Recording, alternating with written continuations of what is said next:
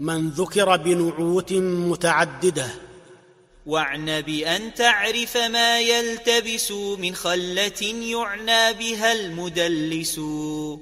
من اعتراو بنعوت نحو ما فعل في الكلبي حتى أبهما محمد بن السائب العلامة سماه حمادا أبو أسامة.